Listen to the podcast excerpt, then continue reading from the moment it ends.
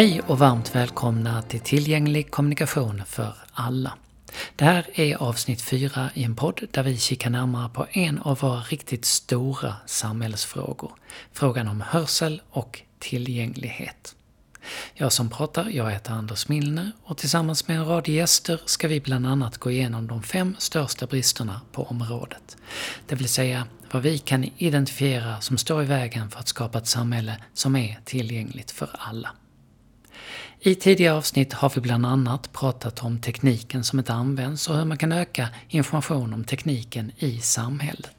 I det här fjärde avsnittet ska vi prata om ojämlik hälsa och om olika förutsättningar vad gäller tillträde till samhället. Frågor här det är bland annat, är tillgången till vård lika för alla? Hur mycket vet den hörande världen om alternativ telefoni, om telefonlösningar för döva och hörselskadade? Och hur påverkar eventuell okunskap om de här sakerna vardagen för döva och hörselskadade? En grundläggande förutsättning för ett fungerande välfärdssamhälle är att alla ska ha lika tillgång till god vård på lika villkor. Och de personer som lever i samhället de ska med andra ord ges möjlighet att genom olika välfärdsinsatser som hälso och sjukvård uppnå likvärdiga levnadsvillkor. Men hur fungerar det här då i verkligheten? Har döva och hörselskadade samma förutsättningar för vård? Naturligtvis ska vi också i det här avsnittet lyfta fram brist nummer fyra. Så varmt välkomna!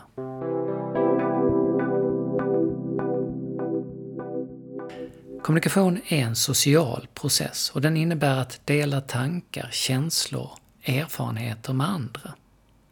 Kommunikation bygger på ömsesidighet och gemenskap med omgivningen. Idag använder 70 miljoner människor i världen teckenspråk för att kommunicera med varandra. Men hur kommunicerar de med resten av världen? Majoriteten av oss kommunicerar via vårt verbala språk, som förutsätter att även vår hörsel fungerar. Frågan är hur vi kommunicerar med varandra när tal eller hörsel sviker. En utbyggd välfärd är därför också ett sätt att skapa förutsättningar för kommunikation på lika villkor. Men hur gör man då? Ja, idag ska vi prata med en person som vet hur det är att överbrygga kommunikationssvårigheter. Med oss i podden har vi nu Isabelle Engvall. Isabelle är kundrådgivare och kommunikatör, men hon utsågs även till Sveriges första döva nämndeman i en domstol. Hon var också med och bildade organisationen Teckenspråkets röst som fick minoritetsspråkspriset 2020. Och Isabelle och jag kommunicerar via tolken Elin Höglund som översätter från svenskt teckenspråk. Välkommen Isabelle! Tack! Vilken är den största utmaningen som du som döv och yrkesverksam står inför idag? Ja, alltså mitt första språk är ju svenskt teckenspråk. Och jag är den enda döva i familjen, så min familj har lärt sig teckenspråk senare. Um, största utmaningen, ja det kan nog vara kommunikationen. Uh, hur jag ska kommunicera när jag reser runt i Sverige. Det är ungefär nio eller 10 miljoner människor här och alla kan ju inte kommunicera på teckenspråk. Så att eh, då blir ju tolkcentralen som mitt andra hem kan man säga och det är jätteviktigt att det fungerar, att jag kan beställa tolk. Och ja, att det finns möjlighet att få tolkar som kan översätta och tolka och att det fungerar. Så det är otroligt viktigt och jag är väldigt tacksam att det finns. Andra länder har inte samma möjligheter att boka tolk som vi har här. Även om det nu brister i Sverige också, så där behöver vi ju förbättra det. Så att det finns möjlighet att få tolk oftare. Det måste satsas mer pengar på det området helt enkelt. Tolkpotten eller pengarna skulle behöva bli större. Så vi döva, vi dövblinda, vi har ju väldigt stort behov av fysiska tolkar på plats. Eh, det har ju med fritidsaktiviteter att göra eller olika typer av upplevelser och ja, men egentligen hela spannet i livet. Och när det handlar om arbetslivet, då blir man ganska begränsad. Då måste vi ofta välja hur vi ska fördela de timmarna vi får använda tolk och det är ju inte optimalt. Så vi kan ju inte använda tolk på, under, på arbetslivet hur som helst idag, utan då behöver vi hitta andra lösningar. Kanske chatta eller ha digital teknik och använda andra typer av hjälpmedel och det är bra att det finns. Så, och jag har ju hjälpmedel i min mobil, jag använder min iPad, jag använder min dator. Det, det är ett bra sätt att kunna fortsätta kommunicera när man behöver. Um, det finns ju som sagt både för och nackdelar. Jag vet inte riktigt hur jag ska formulera mig, men hur mycket, hur stor möjlighet och rätt har jag att få kommunicera fullt ut kan man ju fråga sig. Det behöver man ju för att kunna känna sig fullt delaktig. Men ehm, det är ju inte självklart för alla att alla får hjälpmedel hur som helst så som de behöver. Så det är ganska ojämställt i Sverige. Det beror ofta på vilken region man tillhör.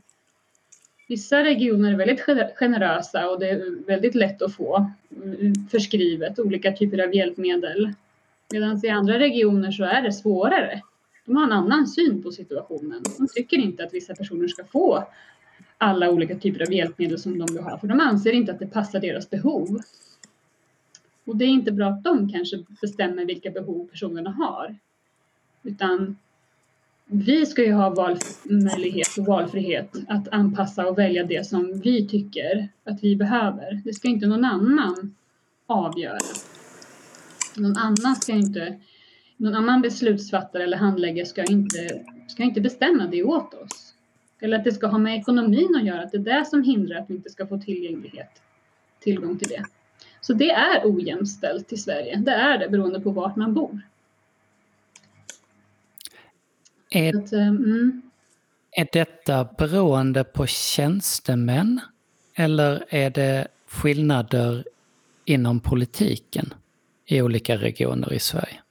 Eh, min uppfattning är ju att eh, de flesta politikerna är positivt inställda alla människor ska kunna dela, vara delaktiga fullt ut, oavsett om man är döv eller dövblind eller vad det kan vara. Men jag uppfattar också att det finns enligt lagen att det står i att regeringen har sagt att alla olika typer av funktionsvariationer, hörselnedsättningar eller om man är döv eller om man har talsvårigheter, man ska anpassa efter dem beroende på vilka, vilka de är. Så att de ska kunna, kunna få vara medbestämmande och ha inflytande. Och att det inte är tjänstemännen som ska vara med och styra där. Det så har jag uppfattat. Och vissa regioner har ju den rätta attityden och de tolkar ju lagen på det sättet. Och då får de här personerna den hjälpen som de vill ha. jag tänker att det ska inte spela någon roll om man är yrkesperson eller om man är privatperson egentligen, utan man ska, få, man ska ha samma förutsättningar i alla fall att få de hjälpmedel man känner att man har behov av. Men, men som sagt, det ser inte ut så idag. Bristande tillgänglighet är när en person med en funktionsnedsättning missgynnas genom att en verksamhet inte har vidtagit tillgänglighetsåtgärder. Eh, det blir då inte jämlikt och enligt lagen så diskriminerar man i så fall den personen. Isabelle, hur ofta händer detta? Om vi, om vi tittar på det praktiskt så det är ju ofta. Vi döva och vi med hörselnedsättningar, ja, det, det finns en strukturell typ av diskriminering kan man säga. Men om personerna får hjälpmedlen som de behöver och efterfrågar, då blir de inte diskriminerade. Men vissa blir ju det, så därför så är det ojämnt. Jag tror att det handlar om okunskap. Även om tjänstemännen på en del ställen inte följer det som man ska följa. Ja, jag tänker att det har med okunskap att göra till stor del. Jag har funderat ganska mycket på det där med varför det är så olika beroende på vart man tillhör i Sverige, vart man bor någonstans, att det är så ojämnt. För alla vi som har de här funktionsvariationerna, vi bor ju på olika ställen i landet. Vi upplever olika. Det, det är tydligt att det är ojämställt. Så behövs verkligen jobbas mer på det området. Jag personligen eh, ser att det finns så väldigt mycket möjligheter och potential till utveckling. Men, men ja, det känns som att det tar stopp i och med att tjänstemännen bestämmer vad som man får göra, vad man inte får göra och hur snabbt det kan gå. Och jag som tolkanvändare, eh, jag är ju medborgare också och jag kan beställa tolk. Och, men jag känner ändå att jag skulle vilja ha en större lösning när det gäller tillgängligheten. När det gäller liksom privatliv i vardagen, i övrig tid också. Jag vill ha full delaktighet, 100 procent möjligt att kunna välja och vara med precis när jag vill och där jag vill. Mm. Det måste ju krävas ett stort mått av planering för att kunna delta där man vill och hur man vill. I och med att man då kanske måste beställa en tolk. Så man måste väl, gissar jag, tänka ganska långt i förväg. Hur långt innan måste man planera för att kunna få en tolk med sig? Det kan också vara, variera mellan tolkcentraler men eh, ja, två, tre veckor ungefär kan man säga genomsnittligt. Men det finns det undantag också om det blir akut begravning eller sjukvård i akuta fall, då kan man ju få mycket närmare. Så det är en prioriteringsfråga. Tolkcentralerna och deras verksamheter har en prioriteringslista som de följer. Så, så det går att få med kortare varsel också. Men ehm, om jag skulle vilja beställa en tolk till ehm, ja, vad ska vi säga, något speciellt sammanhang. Det skulle kunna vara någon speciell kurs kanske jag vill gå eller något event jag vill delta i eller um, något sånt. Då behöver jag ofta, då kommer upp frågan vem är det som betalar för det här? Då behöver jag förklara varför det här är viktigt för mig och det kommer, ja, du måste gå igenom ett godkännande om jag kommer att få tolk till det eller inte. Så det beror på vilken typ av uppdrag eller vilken typ av tolkning man, man vill ha tolk till. Så skulle vilja ha ett annat system i Sverige. Men vi har ändå, kan man säga, ett fungerande system jämfört med många andra länder. Men vi behöver fortfarande förbättra det väldigt mycket. Så vi har mycket kvar att göra.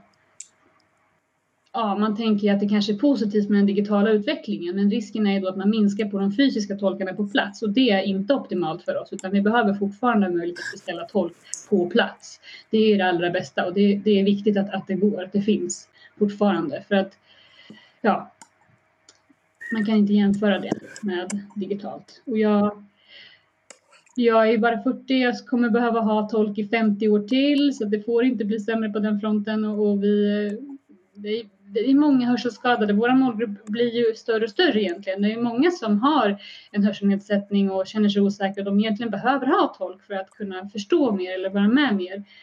Så att vi, vi, vi måste fortsätta satsa på den här delen. Vi kan inte tänka att vi bara kan skifta allting till det digitala det behövs mera, mera insatser på det här området. Absolut behöver vi ha teknik också och hjälpmedel inom det området men, men, men båda behövs. Och beroende på vad man vill ha, vad man, vad man föredrar, så tycker jag att man ska kunna få välja. En del politiker kanske tänker att ja, men vadå, men det går att, det går att minska, man kan, man kan förenkla, man kan komprimera, man kan göra så här, men, men vi får inte utarma det här. Det behöver vara en mångfald. Mm. Vi pratar mycket om okunskap i den här podden och vi pratar mycket om hjälpmedel. Kan en döv ringa ett telefonsamtal? Jo, det kan man säga. Ehm, på 80-talet fanns det texttelefon texttelefoner så man skulle kunna ringa sina vänner då, anhöriga via förmedlingstjänsten. Och det var som en liten smal display, man kunde se texten. Eh, jag ringde ju med den här väldigt mycket då på den tiden. Och eh, det fanns ju någonting som motsvarade Facebook också kan man säga, där man kunde kommunicera med, med olika personer vart de nu bodde någonstans. Man kunde kunna läsa olika, i olika forum, textbaserat väldigt mycket så. så det kunde ta lite tid när man skulle sitta och skriva och läsa och så. Och telefonräkningen blev ganska dyr för att det tog tid också. Men ehm, det här var ett väldigt utbrett hjälpmedel då. Och idag så har det ju förändrats. Jag har ju andra hjälpmedel. Jag har min mobil till exempel. Ehm, och jag hör ju, även fast jag inte hör och kan prata i telefon som, som andra som inte är döva, så ibland så kan jag få telefonsamtal. Och jag ska berätta om ett tillfälle då jag fick telefonsamtal. Det var en blomleverans. Jag skulle ringa upp de här. Um, och det var ett vanligt telefonnummer. Men då ringde jag via min mobil. Via det här Terra Lokal, som det heter. Man kan använda den appen. Och då svarade de, och de la på hela tiden. De, och jag var envis, så jag ringde upp och jag ringde upp och de la på. De förstod inte vad det var. Till slut så förstod de att jaha, jag var döv och jag ville eh, kommunicera via talsyntes då. Så, och de fick texten automatiskt. Så jag kunde skriva och vi kunde svara. De hörde, jag skrev och de kunde höra en röst i sin ände på luren. Och eh, de svarade och då konverterades det till text så att jag kunde läsa texten. Så det funkade jättebra. Men förr i tiden, då fanns inte den här möjligheten. Man kunde inte ha direktkontakt på det sättet. Ty, man ska kalla det för en typ av direktkontakt. Så då, då fick jag ringa via förmedlingstjänsten och skriva allting och ha textbaserad kommunikation. Så, eh, och att kunna kommunicera i, i två part istället för att ha en tredje part, det är nytt. Så eh, en hörande mm, kan ju välja om den vill svara i telefon till exempel. Den svarade mig via telefon. Det var jättebekvämt och jag kunde läsa vad personen hade sagt. Så jag, jag är väldigt glad över den här typen av utveckling. Men ehm, ja, alla har, får ju inte möjlighet att använda den här, den här appen eller den här, den här metoden. Eller, ja, och det har med, med tjänstemännen att göra. Och de säger att man måste vara duktig på svenska. Och jag tänker, jag kan ju skriva svenska. Jag menar alltså att om eh, talad svenska och när man hör svenskt språk. Det har ju ingenting att göra med vårat teckenspråk utan det är ett eget språk. Det är ju som två olika uttryckssätt eller två olika modaliteter. Använder man tal eller använder man händerna visuellt? Så det, det är olika men det gemensamma är att man måste kunna skriva.